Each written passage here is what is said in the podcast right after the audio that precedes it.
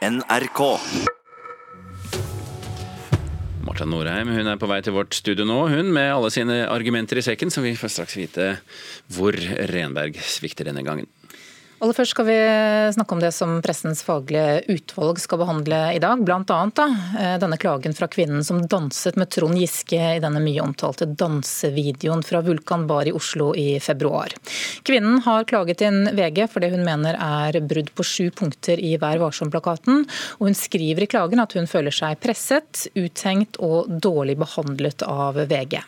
Ledelsen i avisen har erkjent brudd på fem punkter, men dersom de blir felt på alle sju punktene, så blir dette den strengeste dommen noensinne fra pressens eget klageorgan.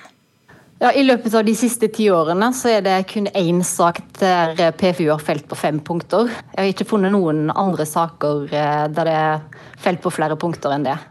Trude Hansen i Pressens faglige utvalgssekretariat bekrefter at dagens avgjørelse i PFU kan bli av historisk art. VG er klaget inn på syv punkter i saken om dansevideoen med Trond Giske. Det er Sofie, som danset med Giske i den omdiskuterte videoen, som har klaget inn avisen. Sofie har skrevet i klagen at hun føler seg presset, uthengt og dårlig behandlet av VG.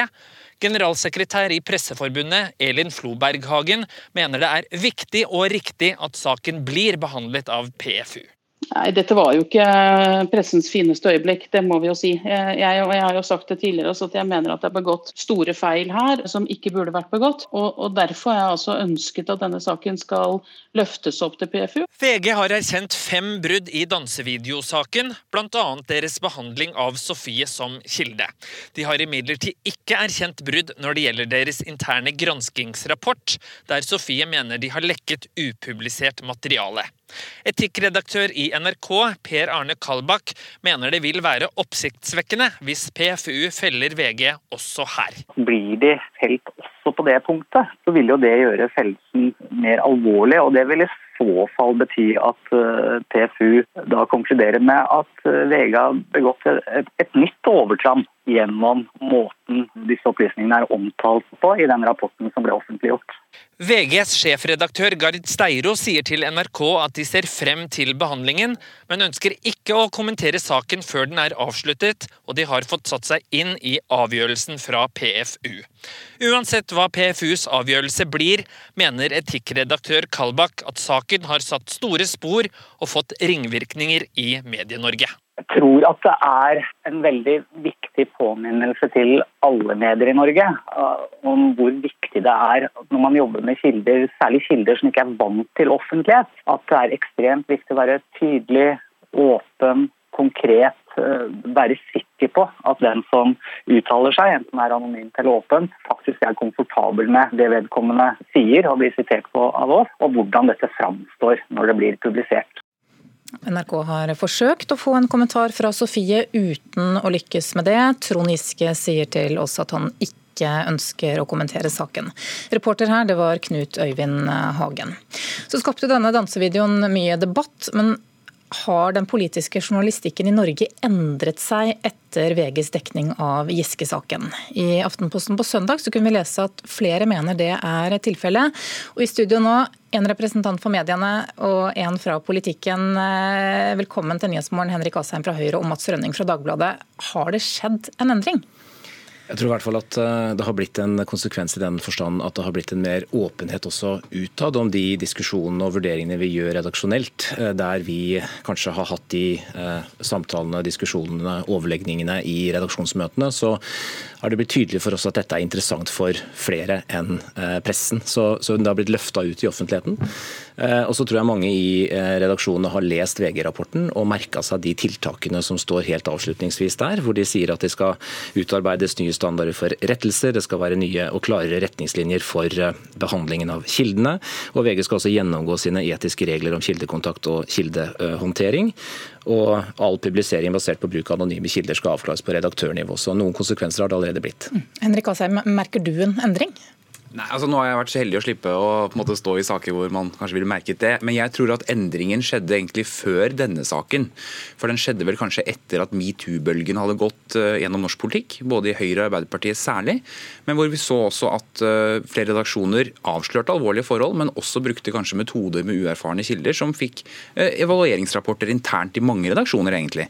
Til å gjøre at man tenkte gjennom hvordan man håndterte også sånne situasjoner. Mm. Mats Frønning, du er også leder for Stortingets presselosje og leder av politisk avdeling i, i Dagbladet. Er det blitt uh, færre anonyme kilder? Nei, det har jeg ingen grunnlag for å si. Eh, jeg, tror nok at liksom denne bevisstheten knytta til bruken av anonyme kilder den har steget de siste åra. Jeg er egentlig enig med Henrik at det har nok skjedd uavhengig av VG-saken. Men det at vi diskuterer VG-saken i mange sammenhenger, gjør at det har blitt synlig for folk at denne diskusjonen pågår i høy grad. Eh, eh, men, men utgangspunktet er jo at, at, det er sånn i politisk journalistikk som i all annen journalistikk at det enkelte ganger er nødvendig å ty til anonyme kilder, men det skal jo begrenses til det helt helt, eh, det helt nødvendige. Da. Og det, ja. mm. Henrik Asheim, jeg må introdusere deg ordentlig. Da. Du representerer også Høyre i finanskomiteen på Stortinget, og har også bakgrunn som eh, leder i Unge Høyre. Flere unge tillitsvalgte i ditt parti opplevde jo pågang fra journalister i forbindelse med saken der unge Høyre-lederen trakk seg i fjor. Hvilke erfaringer gjorde dere da? Altså, det er viktig å si at det Aftenposten gjorde da, og de brukte jo også ganske mange anonyme kilder da de avslørte den saken, var jo kanskje nødvendige metoder å bruke for å avsløre alvorlige forhold. Det tror jeg vi skal være helt uh, ærlige på. Men det vi også opplevde var at ganske mange uerfarne kilder, som ikke var direkte involvert i saken, altså varslere eller noe sånt, men som var f.eks. unge tillitsvalgte i Unge Høyre, opplevde et voldsomt kjør fra journalistene. Som var til tider noe som vi som er rikspolitikere for eksempel, må akseptere og tåle, men som kanskje ikke uerfarne kilder klarer å stå i så godt. Og det som jeg tror har vært en konsekvens av dette, er at det er mer åpenhet i pressen for også å Eh, påpeke sine egne feil. Eh, og være ærlig på å evaluere hva som gikk bra og hva som ikke gikk så bra. Og så er det litt vanskelig som politiker. For jeg er veldig redd for at vi som politikere skal sitte og mene hva som er riktige og gale metoder. fordi journalistenes jobb er jo å kontrollere de som har makten, og det er oss. Så sånn sett så skal vi være litt forsiktige med det. Men akkurat når du ser unge mennesker Husk på at vi hadde en anonym eh, kronikk i Aftenposten av varslere i Arbeiderpartiet som sa at de var redde for å bli avslørt pga. måten journalistene skrev. Da må man ha en selvkritisk diskusjon i pressen som, som laug, da, eh, hvordan man eh, arbeider. Mm. For Det har vel blitt eh, ganske enkelt å peke på VG akkurat nå, i en litt større sammenheng også enn bare denne dansevideosaken? Ja, VG har jo gått eh, foran i norsk politisk journalistikk når det gjelder en eh, metodebruk som, som innbefatter at man får avdekka disse forholdene her. Altså, du har jo andre redaksjoner som har gjort det samme. Men, eh, men det, de, de, er jo, de, er jo, i kraft av sin størrelse også et, et eksempel som er lett å, å, ty til. Men jeg tror vi skal være forsiktige med å bruke den saken som et, skal vi si, et eksempel på, på altså, noe mer enn, enn i seg selv. Nei, men jeg bare mente at For de andre mediene så er det ganske enkelt å peke på VG. da. Oh, ja, sånn, ja. ja. Nei, men dette, dette, har blitt en selverkjennelse altså innad i, i, i bransjen også. Har, altså, det, det, finnes mange regler for dette eh, internt som har blitt uh, sett nærmere på i min egen redaksjon også. Og, og det har vært en diskusjon internt, en, en, eh, en informasjon da, som har gått ut om, om hvordan dette her skal, skal gjøres, som, som har vært uh, ganske nødvendig å ta. Men Betyr at det ikke har vært klart nok tidligere? Nei, det vil jeg ikke si det har. Eh, men det er klart at den åpenheten som man har rundt disse spørsmåla ute i offentligheten, det må også bli en diskusjon internt i, i redaksjonene. Og, og, når man har disse så bruken av anonyme kilder, så har man jo regelverk knytta til hvordan man skal gjøre det. ikke sant? Som vi var innom eh, i stad, så handler det om at man ikke skal kunne klare å få fram den informasjonen på annet eh, vis. Men man må også være bevisst at disse anonyme kildene har en agenda. Og her er det litt Det kan være vanskelig å avsløre for én journalist. Eh, det er kanskje greit å ha en diskusjon i en redaksjon også om det ståstedet som den anonyme kilden har, f.eks. i et bestemt miljø. Eh, og Vi skal jo ikke stylte opp en artikkel basert på én anonym kilde heller, men vi skal jo ha flere hvis det er nødvendig å gjøre det. Og de skal også være fra forskjellige miljøer. Vi, vi, vi, så det jo nå senest i forbindelse med disse bomforhandlingene i, i regjeringa, hvor, hvor, også Dagbladet tydde til anonyme kilder. Men vi måtte ta høyde for at de som snakka med oss hadde en agenda ved å være anonyme. Var det virkelig eh, det at de skal vi si, frykta at Venstre kom til å gå ut, eller var det spinn? Eh, og Det forholdet her tror jeg vi har, har godt av å diskutere internt, både i de gruppene som jobber med politisk journalistikk, men også i sammenhenger der eh, redaktører og andre redaksjonelle medarbeidere er med. For Vi skal være åpne om at eh, den agendaen som man har for å kreve anonymitet, ikke alltid er like klar. Mm. Så så vi denne artikkelen i Aftenposten på, på søndag Henrik Asheim, at noen også mener at journalistikken kanskje blir tammere? Mm, ja, og det, er, det, må den ikke bli. Eh, for all del, altså. Men jeg synes jo, eh, apropos spørsmålet i sted, altså sånn, nå går alle reaksjonene på VG-saken. ikke sant? Og det var TV 2 som liksom dundra løs, og alle var veldig sjokkerte over VG. Men dette er den ene saken som er dratt for PFU. Det er jo veldig mange varslere som har uh, skrevet f.eks. den anonyme kronikken jeg snakket om i sted, om metoder de ikke har likt, men de har ikke gått til PFU med det. Ikke sant? Sånn at Det at man får en større diskusjon om metodebruk, tror jeg er veldig viktig. og klart at ikke sant? Ja, Vi politikere vi kan være anonyme kilder og spinne og sånn, i en budsjettdebatt, det er helt greit.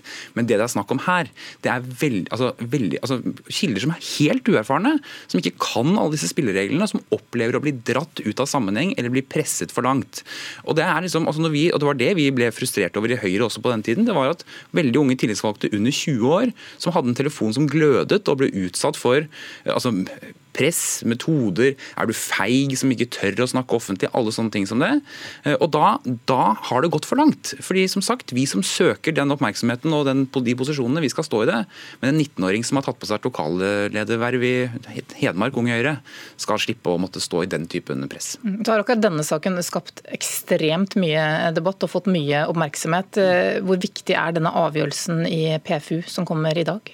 Ja, den kommer til å bli viktig, det er jeg helt sikker på. Men jeg tror det som er vel så viktig, er det som skjedde før denne avgjørelsen kom. og det er at redaksjonene, Jeg har vært i flere sånne debatter med redaktører også, som sier at vi har fått en annen kultur for å også erkjenne feil. Jeg tror det har vært en frykt for, nettopp fordi kritikken ofte kommer av de man selv skal kontrollere som journalister, så blir det liksom veldig viktig å ta opp garden. Men det har blitt litt mer åpenhet for å si at ok, saken ble bra, det var viktig det vi gjorde, men her gikk vi for langt. Det er lov å være nyansert selvkritisk også, og det tror jeg pressen har blitt flinkere til. Mm. Er du enig? Ja, jeg tror, jeg tror, du er inne på noe der, eh, Henrik. Absolutt. Og det er klart at Vi, vi har jo nå en annen situasjon. Vi, vi blir jo kikka i korta på en annen måte enn før. Vi har uh, potente publikasjoner som Medie24 og andre også som, som, som ettergår oss. Vi har faktisk NO som, som ser oss i, i korta. Så, så, det med mer åpenhet, det tror jeg, har, det tror jeg blir stående som en, som en påle. Og så er det litt ironisk bare at Kritikken av pressen nå gjennomføres av anonyme kilder, som anonyme politikere som kritiserer pressen. Eh, Jeg har valgt å være helt åpen om den kritikken jeg har hatt i stedet, for det blir jo utrolig ironisk hvis vi skal kritisere pressen som anonyme kilder selv. Veldig fint at du kom til oss, Henrik Asheim fra Høyre, Mats Rønning, eh, leder av Stortingets presselosje og leder av politisk avdeling i Dagbladet. Takk for at dere kom til Nyhetsmorgen begge to.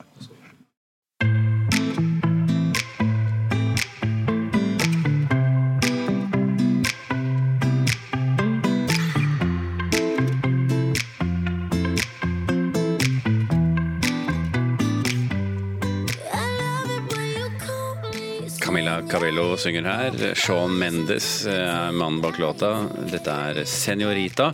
Og den klatret i går opp på førsteplass på Billboard Hot 100-lista i USA. Musikkprodusenten eh, bak denne populære låten, det er ingen hvem som helst, det. Det er eh, en vi eh, vet om her fra Halden, Mia Becker. Det er faktisk en nordmann som står bak denne låta. Magnus August eh, Høiberg, bedre kjent som Cashmere Cat, opp, eh, er oppført som en av de tre produsentene på denne låta. Og han er i tillegg en av låtskriverne. Ja, han gjør det bra for tiden. Ja, 31-åringen fra Halden har de siste fem årene bodd i USA. Der har han samarbeida med flere av de aller største stjernene, bl.a. Ariana Grande, Kanye West og The Weeknd. Og det har ført til ganske solid økonomi for nordmannen. Og særlig de to siste årene har han håvet inn millioner. Låta 'Senorita' har nå bikket en halv milliard avspillinger på Spotify. Og det vil da trolig føre til et eh, godt økonomisk år også i 2019. Nå kan nordmannen også skryte på seg og eh, ha førsteplassen på USAs offisielle hitliste. Ja, og vi liker når nordmenn gjør det bra i utlandet. Selvfølgelig. Ja, selvfølgelig. Mia Becker, takk for at du eh, orienterte om eh, det. Nå skal det handle om eh, litteratur. Fordi Tore Renberg han er jo en forfatter vi kjenner som boltrer seg over et uvanlig stort spekter. Fra modernistisk kortprosa til slående rocketekster Fra barnebøker til essay og skildringer av mørke kriminelle miljøer i denne Texas-serien som vi husker fra ham. Der kom jo den tredje romanen ut i 2017. Men så har det gått et par år, da. Eh, siden eh, han gjorde det. Eh, ute med ny roman nå. 'Ingen tid å miste' er uh, tittelen. Og da tar altså Renberg oss uh, med et eller annet sted. Men hvor, litteraturkritiker Martin Nordberg? Ja, vi skal ganske langt bort ifra Texas-gjengen. Nå blandet jeg Renberg og Nordheim, så det ble Nordberg. Men det får være Nordheim. Marta Nordheim, hvor tar han oss med denne gangen? Han tar oss med langt bort fra skurkeklubben i Texas-serien. Eh, det er et forhold mellom mor og datter, eh, og det er veldig kort fortalt. Altså, Mor er noen og 80, nyslått enke. Dattera Tove tenker at nå skal de eh, ha et fast møte hver onsdag, sånn at de liksom både holder kontakten og at hun holder mor litt oppe. Og mor er en slags fullrigger av et menneske, og datteren ikke? Ikke? Mor er formidabel. Eh, mor har ei spiss tunge. Store ambisjoner på familiens vegne. Eh, og eh, er ei flott dame. Uh, ingenting av dette har dattera arva, uh, ifølge mor i alle fall. Så dette er ikke et veldig enkelt uh, forhold. og det er jo det som gjør at det blir ei bok av det, naturligvis. Men at de to møtes eh, hver eh, onsdag eh, som, som, selve plottet, det høres jo ikke sånn veldig spennende ut akkurat? Nei, dette er jo et kammerspill der det som er tingen, er nettopp hvordan de to snakker sammen. Og etter hvert så ser du jo at det er et slags mønster. Altså begge møtes med de beste forsett. Begge gjør det. Og så det, kommer det en liten ting vanligvis ifra mor. Det kan også komme fra Tove. Og så um, akselererer det til en krangel, eller det oppstår eh, svært dype og såre kjensler, for de vet jo akkurat hvor hen de skal pirke for å gjøre det gjøre vondt for den andre. Så dette her er jo et veldig skarpt blikk inn på uh, ting som er vanskelig i uh, familier. Mm. Dette er jo en form, et format, altså kammerspill mellom to mennesker med, med litt gnister, er jo et format i litteraturen vi har lest mange ganger før. Eh, klarer Renberg å løfte det opp til noe eh, bra? Jeg syns ikke det. Altså, det er noen gode enkeltepisoder, men, men det blir for repeterende. Altså, du vet på en måte oi, nå kommer det. Hver gang det er bygd opp en idyll, så tenker du oi, nå kommer det. Og så kommer det. Så, så det blir eh, veldig stillestående også, trass i disse eh, gnisningene. Det er også noe med at han legger rundt ei veldig pompøs ramme der eh, fortelleren og vi, altså jeg og du og alle lesere, står og lister oss rundt i huset og, og er eh, på en måte hemmelige fluger på veggen, det er på en måte en ramme som blir for stor for dette her onsdag formiddagstreffformatet som selve historien har. Så jeg syns at, jeg synes at det grunnleggende sett ikke fungerer. Altså det er jo litt sånn, eh, Renberg er jo, som du sa innledningsvis, en eh, forfatter som skriver i veldig mange ulike format. og Han er variert, og, og kvaliteten er òg variabel. Eh, han, han er, har virkelig gode bøker, sånn type 'Kompani Orheim' og 'Mannen som elsker Yngve'. Og så har han noen bøker som du like godt kan eh, glemme. Og denne her er nok litt eh, litt sånn at vi gleder oss til neste bok, som vi håper skal bli bedre fra Redberg. Marta Norheim, takk skal du ha.